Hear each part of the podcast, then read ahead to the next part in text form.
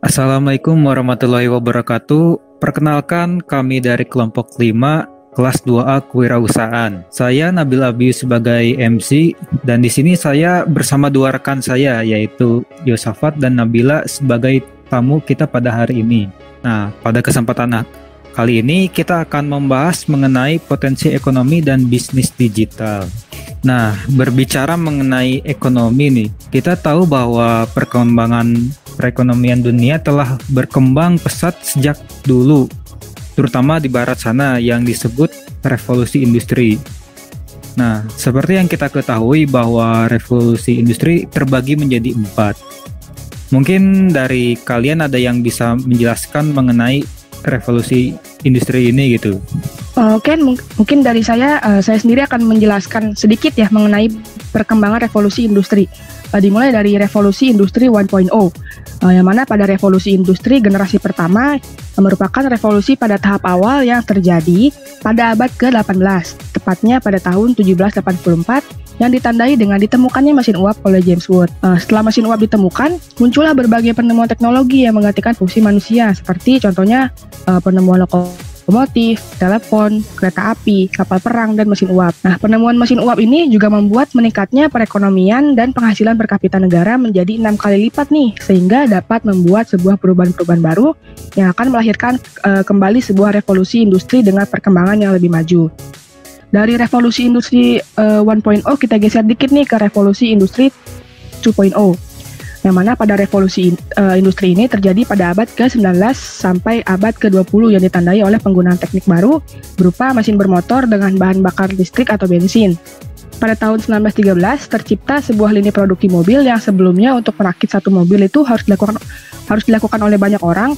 Namun setelah uh, ada penemuan ini, produksi mobil dapat dilakukan secara massal. Dengan adanya revolusi industri kedua ini mengakibatkan perubahan yang cukup besar. Bahkan pada saat uh, adanya Perang Dunia Kedua. Uh, lalu uh, proses produksi tank, pesawat dan senjata lainnya dibuat oleh pabrik yang telah menggunakan ini produksi. Nah ini pada per, uh, Perang Dunia Kedua. Terus geser lagi nih ke revolusi industri 3.0. Yang sebelumnya pada uh, revolusi industri 2.0 proses produksi barang masih membutuhkan tenaga manusia. Namun setelah terjadi revolusi industri 3.0 tenaga manusia tidak lagi dibutuhkan terlalu banyak dan pada revolusi ini menandakan bahwa abad industri perlahan berakhir kemudian digantikan dengan abad informasi. Pada revolusi ini ditandai dengan teknologi informasi dan penggunaan elektronika menggunakan otomatisasi produk. Uh, pada revolusi industri ini lahir pada awal tahun 1970 yang mana kemunculan revolusi industri ini mengubah kembali peradaban dunia yang mana pada revolusi industri ini sudah menggunakan sistem otom otomatisasi yang dikontrol oleh komputer.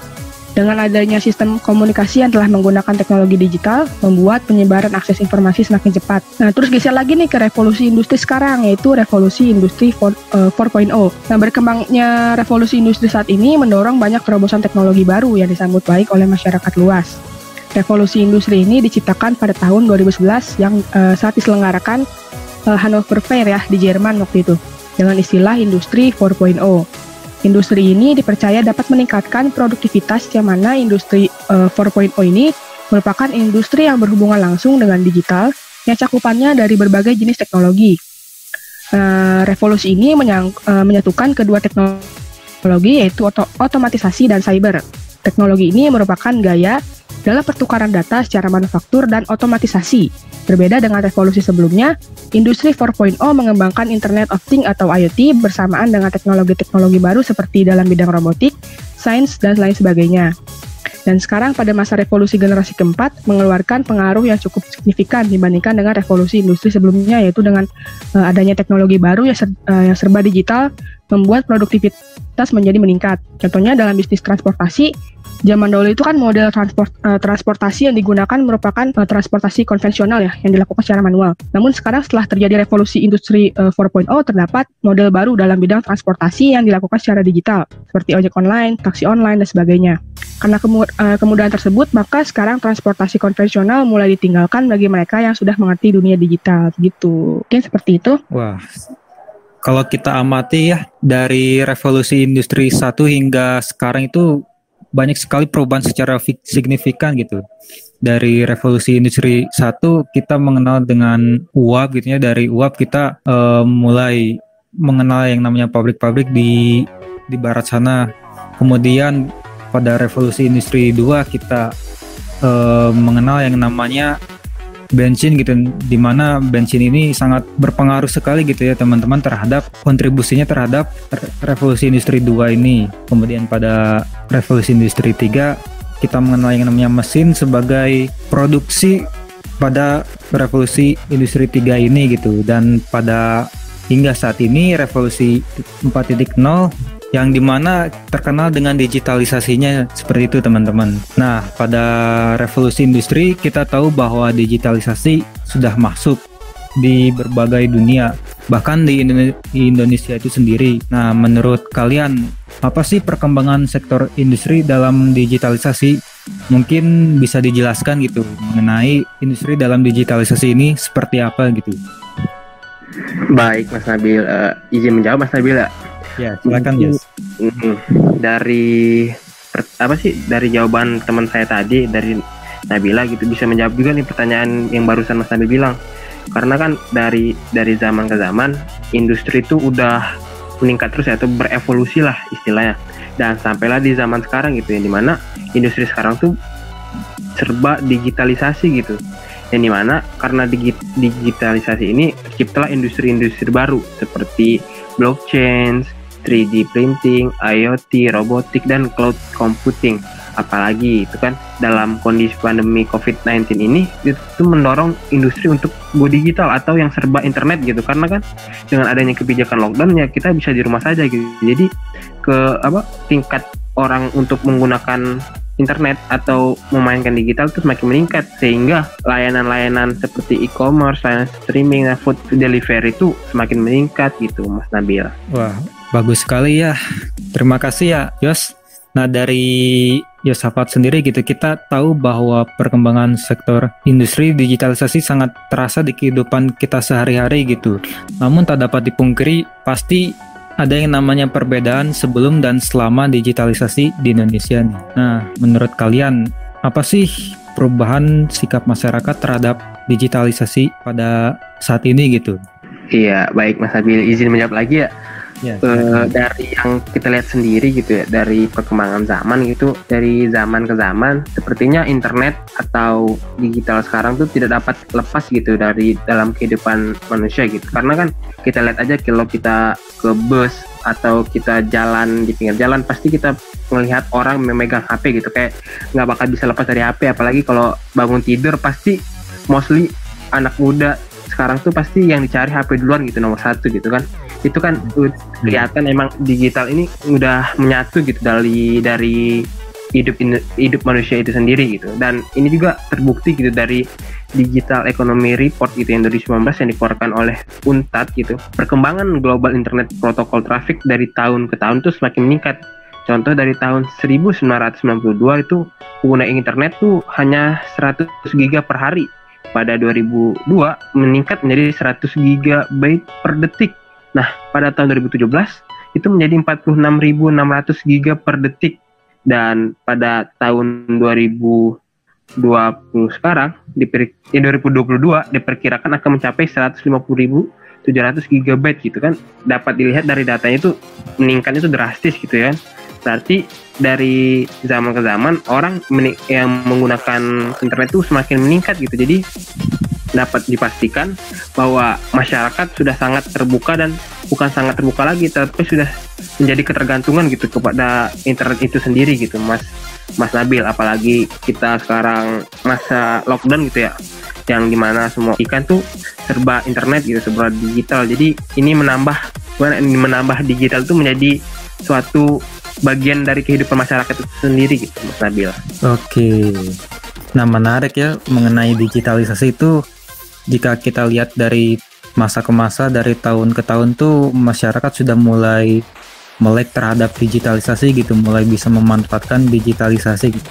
seperti itu nah dari Yosafat ternyata kita banyak sekali ya perubahan pada sikap masyarakat yang sebelum dan sesudah digitalisasi gitu Nah setelah mengetahui peranan nah dari Yosafat ternyata banyak sekali ya perubahan sikap masyarakat sebelum dan selama digitalisasi dan tentunya digitalisasi memberikan dampak yang besar pada masyarakat. Di awal kita berbincang mengenai ekonomi dan membahas mengenai apa itu digitalisasi. Ada nggak sih peranan dan peranan ekonomi digital menurut pandangan kalian? Pastinya ada dong Mas Mas Nabil gitu ya. Apalagi seperti saya bilang tadi itu semua sektor industri gitu ya.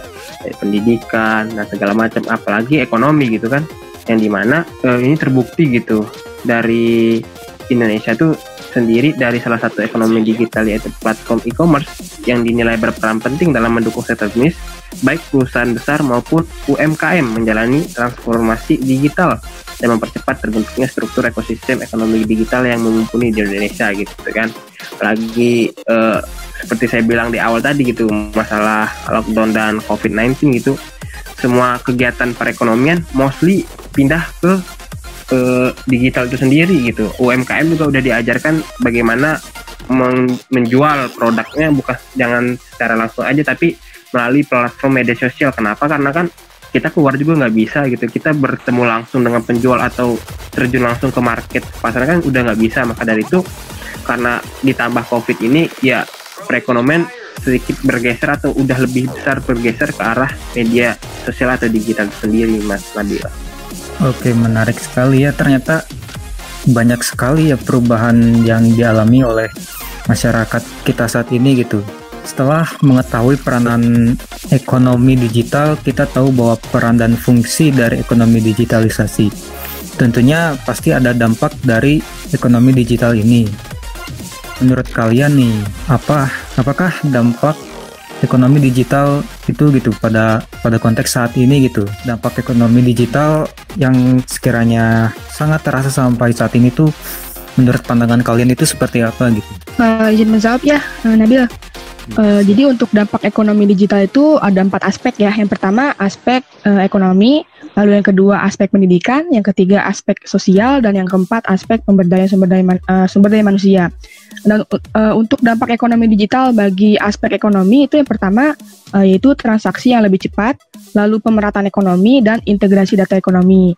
Dan untuk uh, dampak ekonomi digital uh, uh, di aspek pendidikan yaitu akses pendidikan lebih mudah, lalu informasi dan bahan pembelajaran menjadi lebih mudah, serta membuka bisnis baru untuk pelatihan dan les online. Seperti contohnya lagi ramai sekarang nih kayak ruang guru itu kan lagi ramai banget ya. Nah untuk uh, segi sosial uh, adanya pembangunan ekonomi inklusif sehingga usaha kecil dapat berkembang. Nah, untuk aspek pemberdayaan sumber daya manusia yaitu banyaknya teknologi digital yang mem, uh, membuka lowongan pekerjaan bagi orang-orang yang memiliki keinginan untuk uh, lebih baik. Salah satunya bisa kita lihat dari mitra driver Gojek dan Grab ya, yang banyak uh, mitranya merupakan penyandang disabilitas gitu. Nah, menarik sekali ya mengenai digitalisasi ini.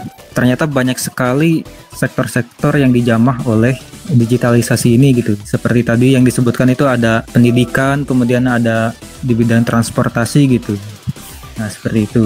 Nah, berbicara mengenai ekonomi digital, uh, ini sangat besar gitu ya, bukan hal yang sepele gitu. Dari yang kita bahas sebelumnya ada peranan serta dampak yang signifikan pada ekonomi digital ini gitu. Jika kita berbicara masa depan, pastilah ada perkiraan perkembangan ekonomi digital di masa yang akan datang. Nah, menurut kalian eh, bagaimana sih pandangan kalian mengenai perkiraan perkembangan ekonomi digital digital yang akan datang gitu? Uh, izin menjawab lagi ya, Mas Nabil. Uh, untuk proyeksi atau perkiraan perke perkembangan ekonomi digital di masa depan ini untuk saat ini ya, berdasarkan ekonomi digital report tahun 2019 yang dikeluarkan oleh Unstad, ekonomi digital memberikan sumbangsi sebesar 15,5 persen terhadap GDP global dengan nilai kapitalisasi pasar sebesar 100 juta dolar US yang secara global menggambarkan besarnya peluang yang bisa diraih dalam ekonomi digital. Lalu selanjutnya menurut uh, laporan ekonomi CAA uh, tahun 2020 yang dikeluarkan oleh Google dan Temasek, peluang ekonomi digital pada tahun 2025 mencapai hingga 124 miliar dolar US dengan persentase 23% dibandingkan pada tahun 2020 yang mana hanya sebesar 44 miliar dolar US atau hanya 11% dibandingkan dengan uh, tahun sebelumnya. Artinya ekonomi digital itu mampu kan memberikan peran besar terhadap, uh, terhadap ekonomi seiring berjalannya perkembangan inovasi produk uh, ke depannya dan dukungan yang sangat dibutuhkan oleh pemerintah selaku pembuat uh, kebijakan agar peningkatan ekonomi tercapai sehingga kesejahteraan masyarakat pun uh, jadi meningkat gitu. Wah, ternyata banyak sekali ya yang akan terjadi gitu di pada digitalisasi yang akan datang gitu. Nah, oleh karena itu dari perkiraan ekonomi digital di masa yang akan datang dan segala peranan dan dampak pasti menyimpan banyak sekali PR untuk kita semua gitu. Oleh karena itu pasti akan banyak segala rintangan dan cobaan di masa yang akan datang. Nah, menurut kalian ada nggak sih tantangan ekonomi digital yang akan tiba gitu di masa yang akan datang? Pasti itu, itu pasti Mas Nabil ya. Pasti setiap hal tuh uh, ada hal negatif atau tantangannya lah dalam menghadapinya gitu kan. Nggak bakal mungkin berjalan mulus 100% gitu. Mungkin beberapa tantangan yang akan kita hadapi dan beberapa yang mungkin kan atau hal-hal negatif atau tantangan lah yang bakal kita hadapi nggak bakal mungkin 100% berjalan mulus gitu ya. Dan mungkin salah satu tantangannya itu seperti cyber security, cyber security gitu ya di mana semakin canggih teknologi semakin canggih pula kejahatannya gitu. Jadi apalagi kayak orang-orang Indonesia ini masih minim pengetahuan lah masih masih ya masih minim pengetahuan tentang uh, internet ini. Jadi masih banyak orang-orang yang terje, terjebak skema kejahatan di med, di internet gitu seperti kayak giveaway giveaway gitu kan. Disuruh klik link tiba-tiba akunnya ke hack tiba-tiba akunnya akunnya diretas segala macam. Itu kan sangat berbahaya gitu. Apalagi eh, bahkan negara kita sendiri gitu pernah mendapat 1,22 miliar serangan cyber gitu setiap harinya kan. Nah maka dari itu kinilah tugas tugas pemerintah gitu ya di mana harus memberikan pengetahuan kepada masyarakat itu sendiri gitu. Dan di mana agar masyarakat itu nggak terjebak lagi tuh dalam pencurian atau cyber crime di digital itu sendiri gitu. Dan selanjutnya tuh ada persaingan yang semakin ketat gitu ya. Yang di mana karena semakin canggihnya ekonomi atau digital ini pasti produk-produk uh, dari negara lain itu dari negara lain atau dari negara luar tuh pasti mudah gitu masuk ke Indonesia. Nah ini kan pasti akan berdampak gitu kepada UMKM UMKM menengah ke bawah gitu ya di mana UMKM UMKM menengah ke bawah ini kan masih dikit gitu yang yang berpindah atau bergerak di media sosial juga gitu kan.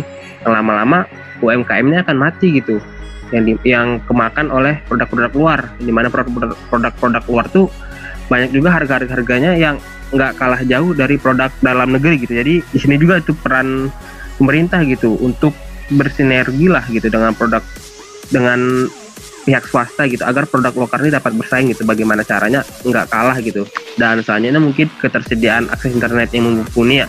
Ya nggak dapat kita pungkiri bahwa internet di Indonesia ini nggak 100% kenceng gitu. Cuman di beberapa kota-kota besar aja di pelosok-pelosok seperti di daerah saya juga masih internetnya masih agak-agak apalagi daerah-daerah ketimuran sana gitu kan. Dan ini juga masih menjadi satu masalah gitu gimana uh, gimana mau bisa memaksimalkan digital ini tapi kalau internet atau fasilitas aja belum maksimal gitu kan ya. Terus juga yang terakhir sih mungkin pembangunan sumber daya manusia gitu ya di mana uh, tantangan selanjutnya itu menghadapi investasi digital ekonomi Indonesia yang mengenai sumber daya manusia itu seperti di Asia Tenggara gitu termasuk Pulau Indonesia pada tahun 2017 sebagaimana dilansir di kompas.com menyebutkan bahwa di Asia Tenggara tuh sumber daya profesionalnya dalam mendongkrak pertumbuhan ekonomi digital itu masih minim gitu.